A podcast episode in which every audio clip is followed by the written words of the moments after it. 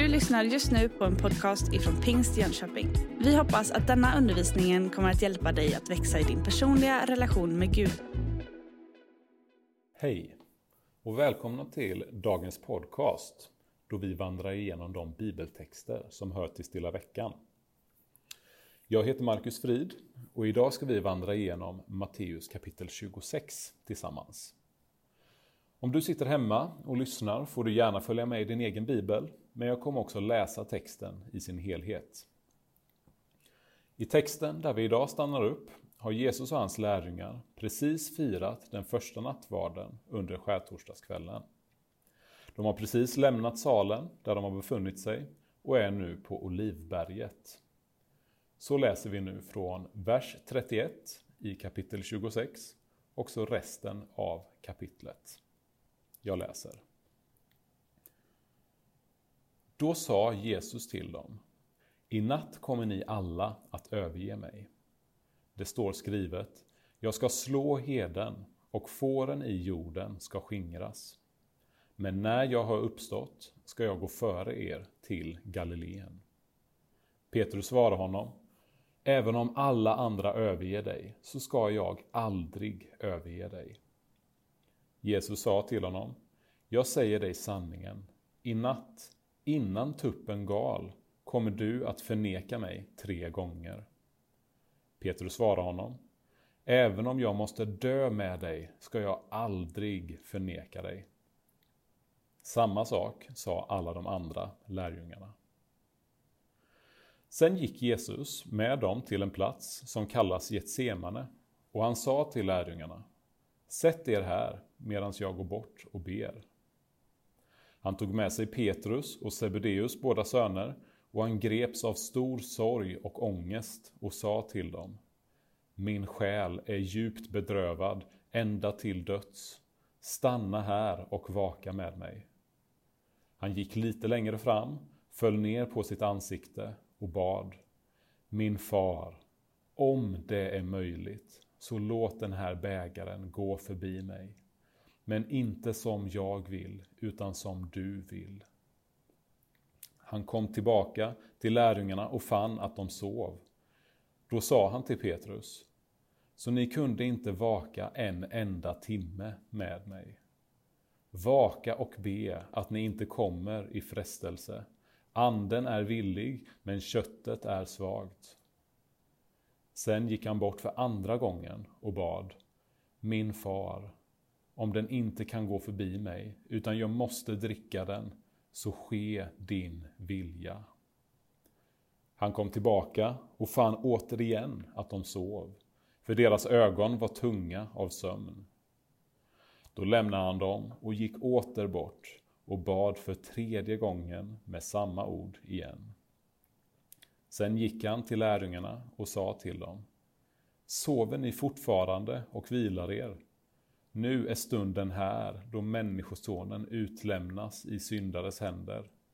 Res på er, nu går vi, han som förråder mig är här. Medan han ännu talade kom Judas, en av de tolv, och med honom en stor folkhop med svärd och påkar från översteprästerna och folkets äldste. Förrädaren hade gett dem ett tecken och sagt den jag kysser är det, grip honom. Och han gick genast fram till Jesus och sa Var hälsad, rabbi, och kysste honom. Jesus sa till honom Min vän, är det därför du är här? Då gick de fram och grep Jesus och höll fast honom.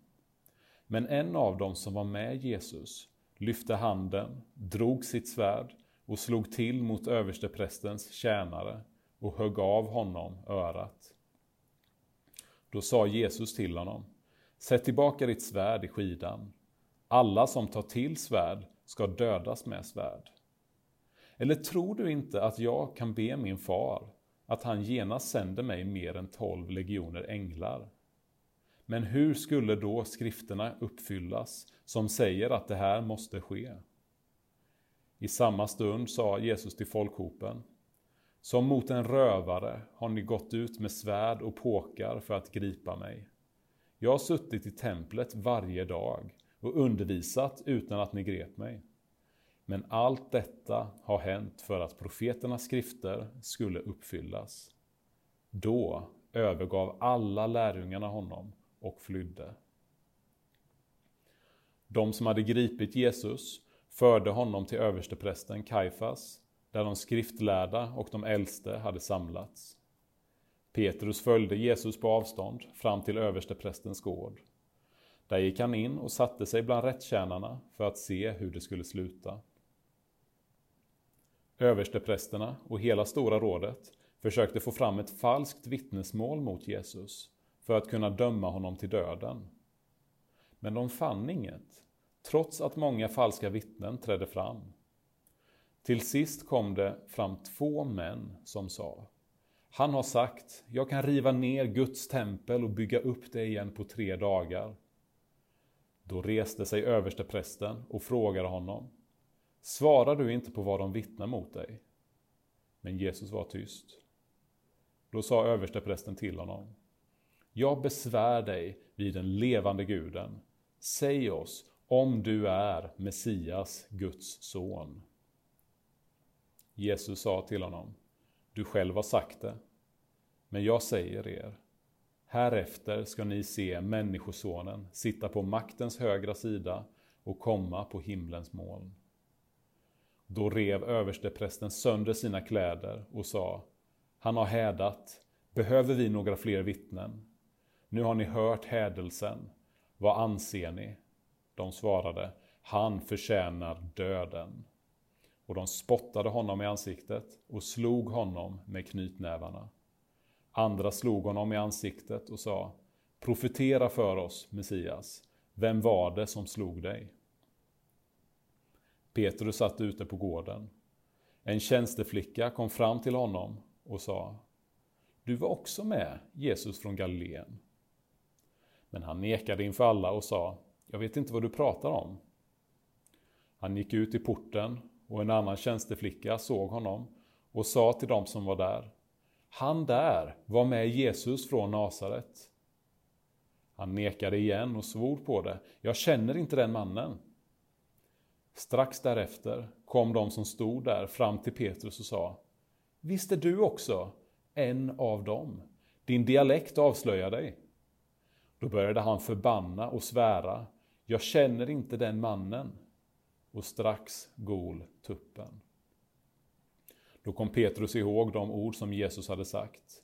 Innan tuppen gal ska du förneka mig tre gånger.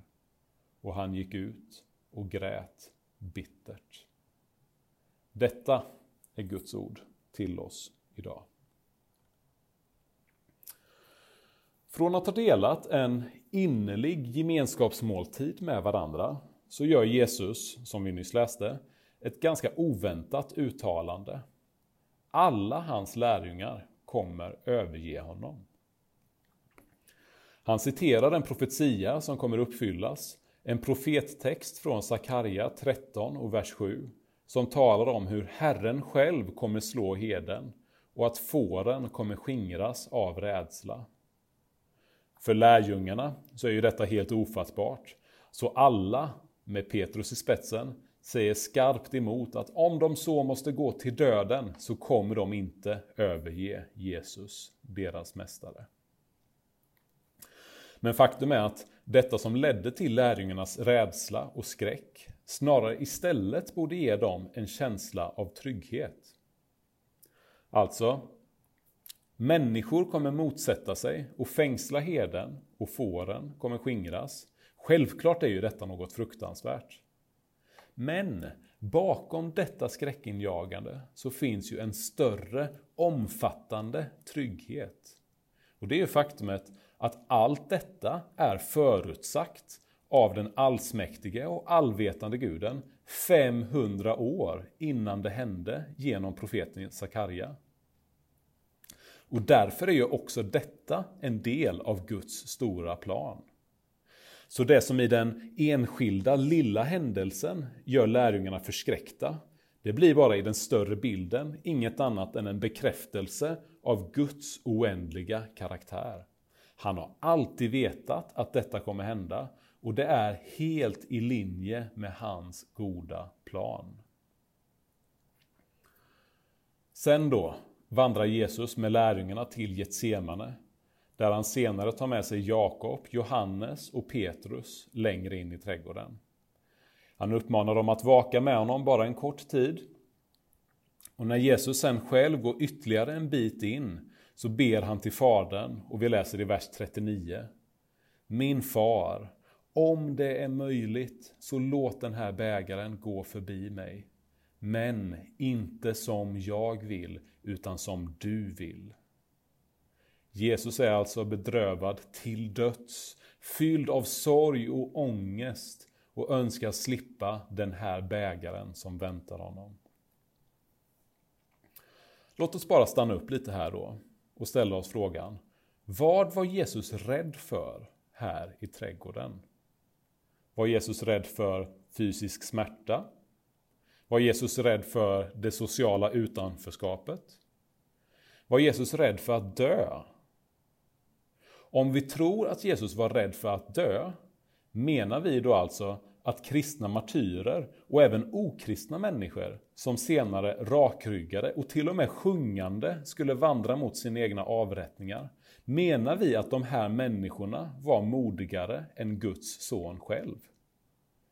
Var det så att Jesus var feg och darrande inför att dö som korsfäst när hans efterföljare och många andra senare skulle möta exakt samma öde och de skulle möta det med glädje? Nej, Jesus var inte rädd för att dö. Vi förstår bättre orsaken till Jesu ångest och Jesu rädsla när vi stannar upp vid det som Jesus säger att han själv önskar slippa. Den här bägaren, som Jesus säger i sin bön. Vad menar då Jesus när han talar om bägaren som han vill undvika? I Gamla Testamentet så ser vi att bägaren ofta symboliserar den vredesdom som Gud tvingar människor att dricka på grund av deras synd. Alltså, när människor har syndat, då är Guds vredesbägare en bild för det straff som människan har gjort sig förtjänt av. Så vad är det då som Jesus känner fruktan och ångest för där i ett semande trädgård när han ber? Jo, Jesus kände ångest över det faktum att han inom loppet av bara några timmar så skulle han bära all världens synd. Allt sedan den första begångna synden i Edens lustgård ända fram till den sista syndarens handling innan domedagen. Detta enorma straff skulle han bära i sin kropp när han hängde på korset. När helvetet beskrivs i Uppenbarelseboken, då är det just Guds vredes bägare som beskrivs som straffet, som dessa människor ska uthärda i evigheters evighet. Jesus alltså, i trädgården, han var rädd för att han, i bokstavlig bemärkelse, skulle dricka det helvete som människor förtjänar. Detta hjälper oss också att förstå hur Jesus kan säga i sin bön, inte som jag vill, utan som du vill. För hur, undrar vi, hur kan Jesus säga att Guds vilja ska ske och inte hans egen? Är inte Jesus Gud själv? Men frågan här är inte om Jesus ska välja att göra Guds vilja eller om han inte ska göra Guds vilja. Nej, frågan är om Guds vilja måste innebära korset. Alltså Jesu mänskliga natur, den drar sig naturligt tillbaka från att genomlida den ohyggliga smärta som hans död kommer innebära. Och samtidigt ser vi hans bestämdhet att göra det som är Guds vilja. Och det är just här som Jesu kärlek lyser igenom sidorna i våra biblar. För om Jesus helt oproblematiskt skulle vandra rakryggad till korset utan att det kostade honom någonting, då skulle inte hans död vara ett tecken på kärlek. Men när kärleken till människan innebär att Jesus behöver trotsa sin egen rädsla till den grad att svetten rinner som blod ner för hans panna, då förstår vi att det verkligen är den dyra kärleken som ledde Jesus till korset. Då förstår vi vad Paulus menar när han skriver i Romarbrevet kapitel 8, vers 32. Han som inte skonade sin egen son, utan utlämnade honom för oss alla.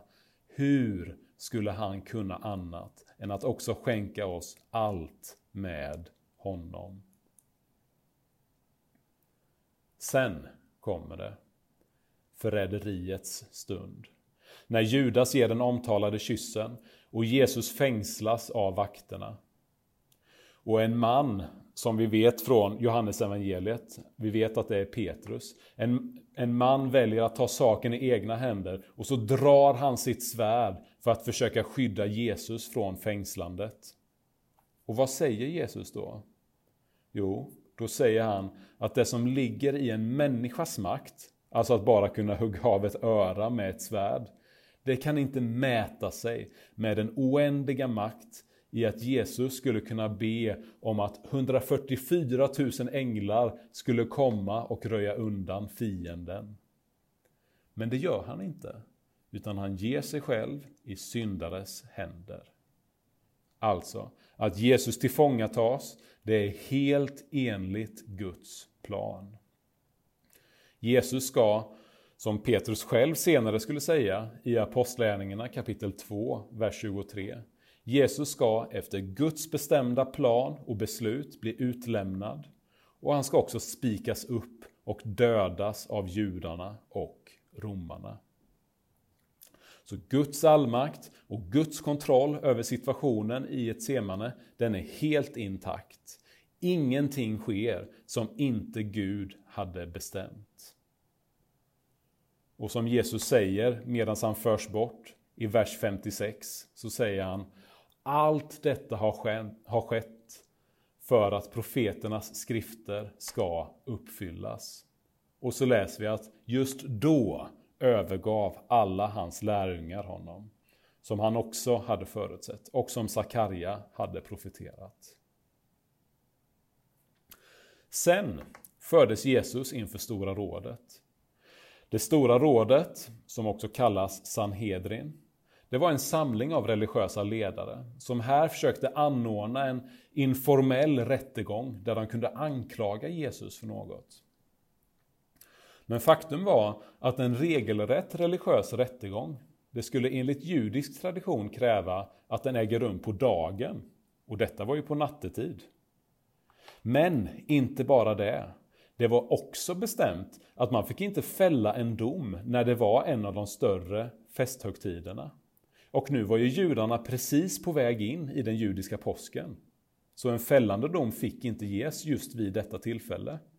Men inte bara det. Det krävdes ju också ett samstämmigt vittnesbörd från flera olika vittnen för att det skulle kunna bli en fällande dom.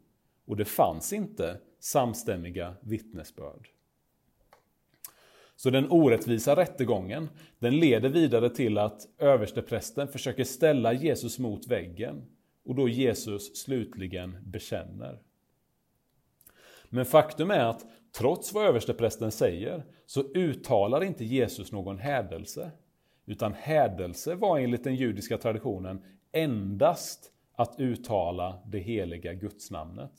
Men detta gör inte Jesus. Han säger andra saker men han uttalar inte det heliga gudsnamnet. Och därmed så hädar han inte heller. Men trots detta så fäller det stora rådet den orättvisa domen över Jesus.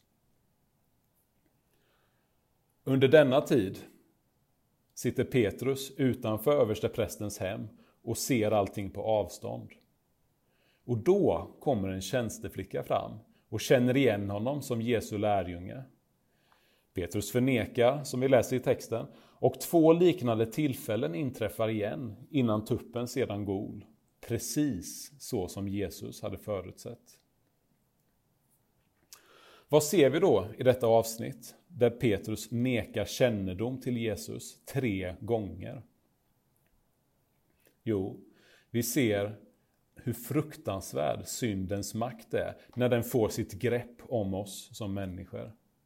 Alltså ju mer cementerad synden blir i en människas hjärta, desto mer kommer den eskalera och växa, som den klassiska snöbollseffekten som vi känner till. Alltså vi läser att den första gången som Petrus nekade, då står det bara att han nekade. Den andra gången står det att han nekade och svor, alltså att det blir värre. Och den tredje gången börjar han förbanna och svära och lögnen blir ännu mer ihärdig. Så alltså, lögnens och syndens makt, den är skrämmande och farlig. För ju mer vi syndar, desto lättare får vi för att göra just detta. Som vi ser hur det går till när Petrus nekar gång på gång på gång. Men detta är inte allt som vi ser i denna berättelse om när Petrus nekar att han känner Jesus. Det andra vi ser här är att vi ser också hur stor Guds nåd är. Och hur menar jag då? Jo, när Jesu närmste och bäste vän inte ens vill säga sig vara bekant med Jesus, när han förnekar all kännedom med Jesus, är då allt hopp ute för Petrus? Nej, för den bägare som Petrus förtjänade att dricka, den vredesbägare som Petrus förtjänade att dricka, efter att han har avsagt sig gemenskapen och syndat mot Jesus, Guds son. Denna bägare, den dracks av Jesus själv, bara timmar senare på Golgata kulle. Och när en människa omvänder sig och gråter bittra tårar, som Petrus gör, när en människa omvänder sig och gråter bittra tårar över att hon har nonchalerat universums härskare, då finns det upprättelse. För lägg märke till vad vi har sett i denna text. Är det verkligen så att Petrus och Jesus får det som de själva förtjänar? Om vi tar Jesus för det första. Jesus har aldrig någonsin haft en syndig tanke eller minsta syndig fingerrörelse i hela sitt väsen. Men trots detta så fängslas, anklagas, spottas på och blir slagen i väntan på att dricka den fruktansvärda bägaren som är fylld med Guds vrede. Syndfri och fullkomlig som han är, är han totalt oförtjänt av all den vidrighet som han får genomlida. Lika orättvis som den hastigt genomförda rättegången var, lika orättvist var det straff som Jesus fick bära när han hängde på korset. Sen har vi Petrus. Petrus, han har under hela sitt liv syndat, som alla oss andra, och Petrus synd den når sin högsta punkt i att han uttryckligen förnekar all kännedom med Jesus. Och detta gör att han är förtjänt av just det som Jesus själv får, leda, får genomlida. Alltså om Petrus, om Petrus hade ställts till rätta inför en rättvis domstol, då hade han dömts till precis det straff som Jesus tvingades uthärda. Exakt detta, vänner, exakt detta är vad det kristna glädjebudskapet, evangeliet, handlar om. Evangeliet är de goda nyheterna att skyldiga syndare kan bli frikända eftersom den enda oskyldige människan har dömts som om han vore en skyldig i vårat ställe. Bägaren som vi förtjänade att dricka, den tömdes tom av han som hade full rättighet att aldrig behöva smaka ens en liten droppe. Han blev Precis så som Jesaja profeterade om 700 år innan korset restes på Golgata kulle. Han blev genomborrad för våra brott, slagen för våra synder. Straffet blev lagt på honom för att vi skulle få frid och genom hans sår är vi helade. All vår skuld la Herren på honom. Min vän, när du här läser och hör om de fruktansvärda smärtor och lidanden som Jesus genomled under den påskhelg som vi snart går in i. Stanna då upp. Stanna upp och förundras under tacksamhet och tårar när du kommer till insikten att det borde ha varit jag. Det borde ha varit jag som hängde där, där han var. Där han var på korset, där förtjänade jag att vara. Han tog min plats så att jag får leva helt innesluten i honom som Guds barn.